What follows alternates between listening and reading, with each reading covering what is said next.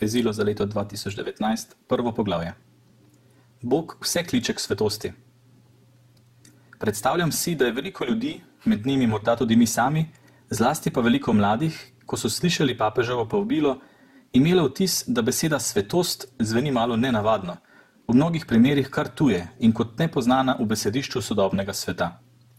Ni presenetljivo, da obstajajo kulturni sklopi ali razlagalne smeri, ki pod svetosti zamenjujejo z nekakšnim odtujojočim spiritizmom, ki beži od stvarnosti.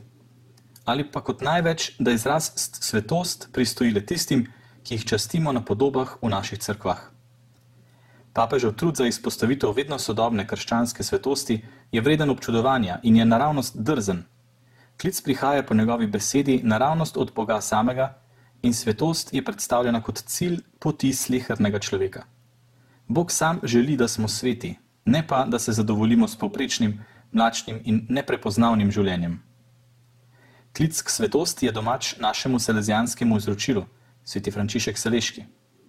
Poziv papeža Frančiška privlači pozornost zlasti zaradi silovitosti in odločenosti, s katero on zagovarja, da je svetost namenjena vsem, ne le nekaterim, saj je sestavni del temeljnega načrta, ki ga ima Bog z nami. Namenjena je običajnim ljudem, ljudem, ki jih spremljamo v vsakdanjem življenju, sestavljena je iz preprostih reči, tipičnih za običajne ljudi. Ne gre torej za svetost, za nekaj herojev ali izrednih ljudi, ampak za običajen način vsakdanjega krščanskega življenja, za način krščanskega življenja, ki je utelešeno v sedanjih okoliščinah s tvegani, izzivi in priložnostmi, ki jih Bog izpostavlja na poteh življenja. Sveto pismo nas vabi k svetosti. Posvečujte se in bodite sveti, ker sem jaz, Gospod, svet. Gre za jasno povabilo doživljati in pričevati popolnost ljubezni, ki ni nekaj ločenega od svetosti. Svetost je namreč v izpopolnjevanju ljubezni. Ljubezni, ki je predvsem postala meso v Jezusu Kristusu. Tudi sveti Pavel piše v pismo Efežanom in se nanaša na očeta. Pred stvarjenjem sveta nas je izvolil v njem, Jezusu Kristusu, da bi bili pred njegovim obličjem sveti in brezmadežni. V ljubezni nas je vnaprej določil, ne bomo po Jezusu Kristusu njegovi posinovljeni otroci. Takšen je bil blagohotni sklep njegove volje, v hvalo veličastva njegove milosti, s katero nas je obdaril v ljubljenem. Ne torej več služabniki, ampak prijatelji, ne več tujci in priseljenci, ampak sodržavljani svetih in domačini pri Bogu. Zato smo vsi in vsakdo pozvani k svetosti. To je polno in uspelo življenje po božjem načrtu, v polnem občestvu z njim in z brati. Tako ne gre za popolnost, ki bi bila namenjena le nekaterim, ampak je za vse. Nekaj, kar je neskončno dragoceno, a vendar ni redko ali tujek, ampak je del skupnega poklica vseh verujočih. Je lepa pobuda, ki jo Bog daje vsakemu človeku. To ni pot zgrešene duhovnosti, ki od polnosti življenja oddaljuje ampak je polnost človečnosti, izpopolnjene z milostjo. Življenje v polnosti, kakor obljublja Jezus. Ni standardizirana plehka toga značilnost, ampak je odgovor na vedno novo vetje duha, ki ustvarja občestvo, upoštevajoč različnost, kajti sveti duh je na začetku plemenitih idealov in pobud dobrega v človeštvu na poti. Ne gre za skupek abstraktnih vrednot, zgolj formalne vrednosti, ampak za sozvočje vseh tistih kreposti, ki utelešajo vrednote našega življenja. Ne zgolj sposobnost zavračati zlo in navezovati se na dobro, ampak stanovitna drža, vesela v dobrem življenju dobrega. Ni cilj, ki se ga doseže v trenutku, ampak postopna pot glede na božjo potrpežljivost in dobrohotnost, ki vključuje svobodo in osebno prizadevanje. Ni izključujoča drža v odnosu do drugačnega, ampak temeljna izkušnja pravega, dobrega, pravičnega in lepega. Končno je svetost življenje po blagrih, da bi postajali sol in luč sveta. Je pot globokega počlovečenja, kot je to slehrna, pristna duhovna izkušnja. Zato postajati sveti ne zahteva odtujevanja od samega sebe ali oddaljevanja od lastnih bratov, ampak pomeni pogumno živeti počlovečeno življenje in okušati, včasih težko, občestvo in odnos z drugimi. Postati svet je prva in najbolj nujna naloga kristjana. Sveti Augustin trdi: Moje življenje bo živo, do vrha napolnjeno s tabo. V njem, to je v Bogu samem, je razlog za zmožnost poti svetosti v hoji za Kristusom. Pot svetosti je dana kristjanu po daru Boga v Kristusu.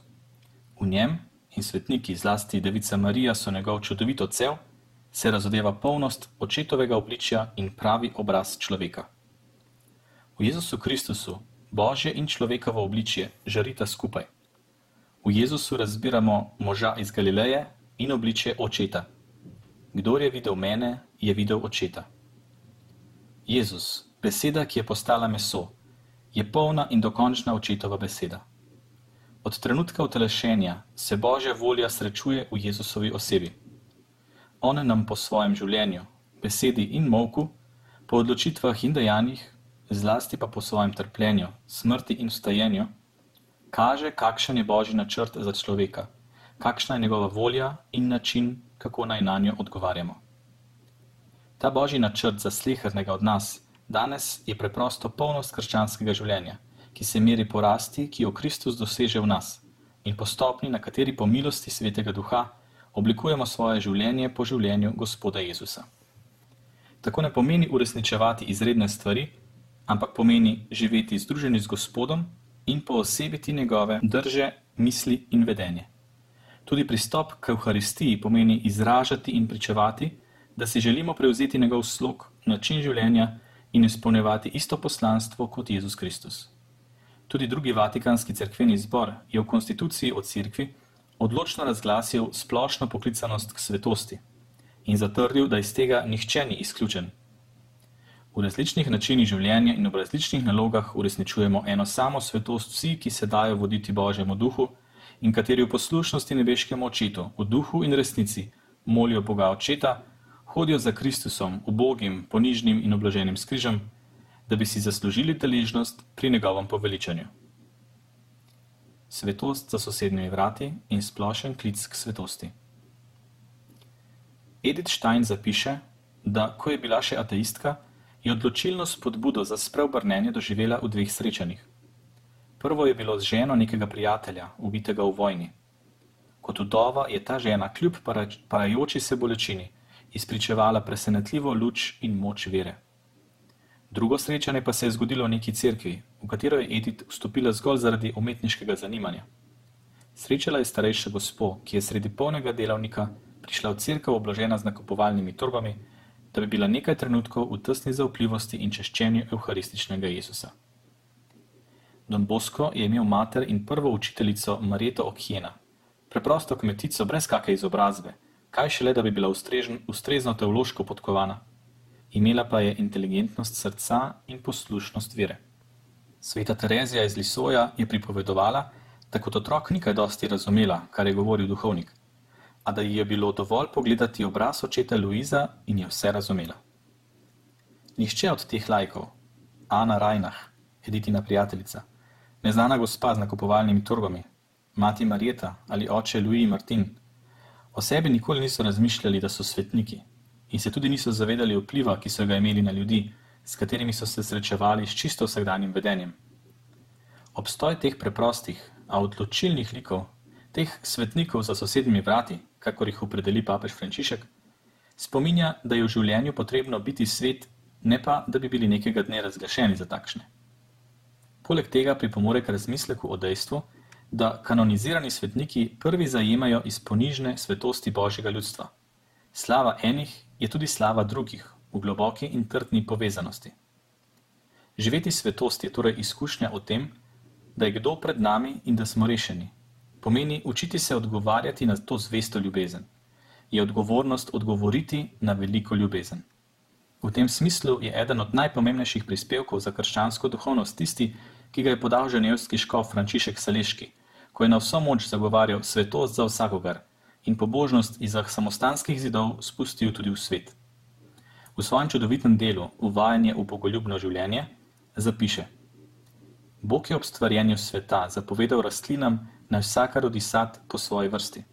Tako je zapovedal tudi kristjanom, živim rastlinam svoje cerkve, naj priznašajo sad pobožnosti vsak po svoji zmožnosti in poklicu.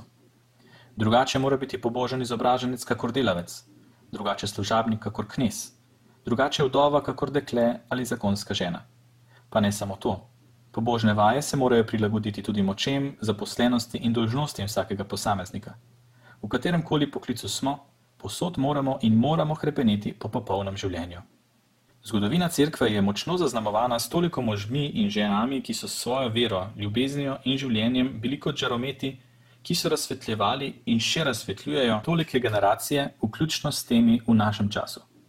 So živa priča, kako je moč ustalega v njihovem življenju dosegla takšno stopnjo, da so mogli izreči kot sveti Pavel, čeprav veliko krat brez besed: Ne živim več jaz, ampak Kristus živi v meni. Poleg tega je še svetost brez imena, ta, ki ni dosegla časti oltarja, kateri življenje morda ni bilo popolno, tudi kljub nepopolnostim in padcem so nadaljevali pot in so bili všeč Gospodu. To je svetost lastne matere, babice ali drugih bližnjih. Je svetost zakona, ki je čudovita pot rasti v ljubezni. Je svetost očetov, ki skrbijo za svoje otroke in se za nje velikodušno žrtvujejo, veliko krat z nepredvidenimi žrtvami. Može in žene, spominja papež, ki trdo delajo, da v hiši ne zmanjka kruha. Bolniki, ki živijo svoje bolezni v miru in v duhu vere ter v združenju s trpečim Jezusom. Ostarele redovnice, prijenim in iztrošenim življenjem, ki pa še ohranjajo nasmeh in upanje. Z gotovostjo lahko zatrdimo, da so v vseh obdobjih in na vseh konjih in so še svetniki vseh starosti, življenjskih okoliščin, značilnostmi različnimi ena od druge. To je zelo dobro upovedil papež Benedikt XVI, ko je podal svoje pričevanje. Rad bi še dodal, da za me niso samo veliki svetniki, ki jih imam rad in jih dobro poznam, kar že poti na poti, ampak tudi preprosti svetniki. To je dobri ljudje, ki jih opažam v svojem življenju in ne bodo nikoli kanonizirani. To so običajni ljudje, če tako rečem, brez opaznega herojstva, a v njihovi vsakodnevni dobroti vidim resničnost vere. Vse to nedvomno prepoznavamo v načinu, s katerim so mnogi utelesili krščansko pot v svojem življenju. Nekateri se morda zdijo majhni, drugi veliki, vsi pa so prehodili mikavno in privlačno pot. Isti papež Benedikt sklene z izjemno dragocenim izrazom, ki po moji oceni čudovito povzema sporočilo vezila letošnjega leta. Takole pravi: Dragi prijatelji, kako velik in lep je krščanski poklic, če nanj gledamo v tej luči. Vsi smo poklicani k svetosti to je takt krščanskega življenja. Marija iz Nazareta, edinstvena luč na poti svetosti. Vse te preproste in ne malokrat anonimne sledi svetosti imajo vedno vzor, k kateremu se ozirajo in v katerem odsevajo. Krščanska svetost ima v Mariji iz Nazareta, materi Gospoda Božjega Sina, najlepši in najbližji vzor. Marija je žena izreka: Tukaj sem polne in celostne razpoložljivosti Božje volje. Ko izreče: Zgodi se mi po tvoji besedi, izjavi Marija, da polno in globoko srečo najde v vsem, kar tisti fiat v veri predpostavlja. Ne le, ko sin zapusti dom in se loči od nje, ker mora izpolniti očetovo voljo, ampak tudi v ekstremnem trenutku, v katerem Marija okuša trpljenje zaradi njegovega križanja in smrti. Strašna bolečina, ki jo doživlja kot mati v Mariji, gospodovi materi, srečujemo bogatstvo življenja, ki je v vsakem trenutku sprejelo božji načrt. Življenje, ki je bilo trajni, tukaj sem, izrečen gospodu. Kako privlačno je v tej perspektivi gledati na Marijo in premišljati o vrednosti človeškega življenja in o njegovem polnem pomenu na obzorju večnosti. Pogumno sprejetje skrivnostnega božjega načrta privede Marijo, da postane mati vseh verujočih, vsakemu izmed nas vzornica poslušanja in sprejemanja Božje besede in zanesljiva vodnica k svetosti. To pa zato, ker nas uči, da samo Bog naše življenje napravlja veliko. Samo če je Bog velik, je tudi človek velik. Z Marijo moramo začenjati razumeti, da je tako. Ne smemo se oddaljiti od Boga, ampak ga moramo približati, storiti, da bo velik v našem življenju. Tako tudi mi postajamo božanski. Ves blišč Božjega dostojanstva je tudi naš. Iz tega razloga je nepredstavljivo, da bi kristjan mogel prehoditi pot svetosti brez pogleda na Marijo kot na mater. Zreti vanjo je učiti se varovati, učiti se upati, učiti se ljubiti. In če bomo molili kot ona in z njo, bomo na svoji vsakdanji poti gotovo doživljali tisto tolažbo, ki lahko pride samo od Boga. Poleg tega, če jo kličemo kot mater Božjega sina, bomo svoje srce odprli daru njene priprošnje kot matere sina in njenih sinov. s selezijansko občutljivostjo. Lahko bi rekli, da če kdo postane svet, ima vse, če ne, vse izgubi. Cilj svetosti in malo da ne roteče povabilo, da bi jo dosegli, je tudi veliko Donboskovo sporočilo, os okoli katere se vrti celotna duhovna ponudba in njegovo življenjsko pričevanje. Svetost, ki jo ponuja Donbosko, je lahka in privlačna, a hkrati trdna. V izjavi Dominika Savija: Hočem postati svet, moram postati svet in ne bom srečen, dokler ne bom svet, odzvanja veliko, če ne vse, kar mu je Don Bosko znal posredovati, vse od pridega, pri kateri je Dominik prisluhnil tem spodbudnim besedam. Postati svet je lahko, vsi moramo postati sveti. Za tistega, ki postane svet, je v nebesih pripravljena velika nagrada. Don Bosko je zapisal, da bila ta pridiga iskra, ki je tako zanetila srce Dominika Savija, da se je zaljubil v Boga. Don Boskovi modrosti, ki je umirjal Dominikovo željo po spokorništvu, in mu raje predlagal zvestobo pri molitvi, učenju, dobro opravljenih dolžnostih, ustrajnost pri razvedrilu, recimo kar v celotni razsežnosti odnosov, se je izrisovalo tipično selezijansko zavedanje o splošni poklicanosti k svetosti. Z ustanovitvijo družbe svetega Frančiška Saleškega in pozneje z družbo hčera Marije Pomočnice skupaj s soustanoviteljico Marijo Dominiko Mazzarela, postavi Don Bosko za cilj veljaven vse do danes posvečevanje njenih članov. Kmalu zatem se lezijance na to spomni Don Rua, ko jih opominja s temi besedami. To nam je vcepljal naš priljubi Don Bosko v prvem členu svetega pravila, ki pravi, da je namen naše družbe najprej krščansko izpopolnjevanje njenih članov, na to pa vsakršno dejanje duhovne in telesne karitativne ljubezni do mladine. Brez tega bi se vse apostolsko prizadevanje za mlade izkazalo za jalovo. Don Bosko zelo dobro ve, da je prvi korenit in odločilen način, kako pomagati drugim, ta, da si svet. V tej šoli nove in privlačne apostolske duhovnosti Don Bosko prebira evangelij s pedagoško in pastoralno izvirnostjo, ki zahteva novo sintezo, ki naj bo uravnotežena, skladna in po svoje celovito povezana z običajnimi sestavinami krščanske svetosti, v kateri imajo kreposti in sredstva posvečenja svoje mesto, mero, skladnost in lepoto ki so zanje značilni.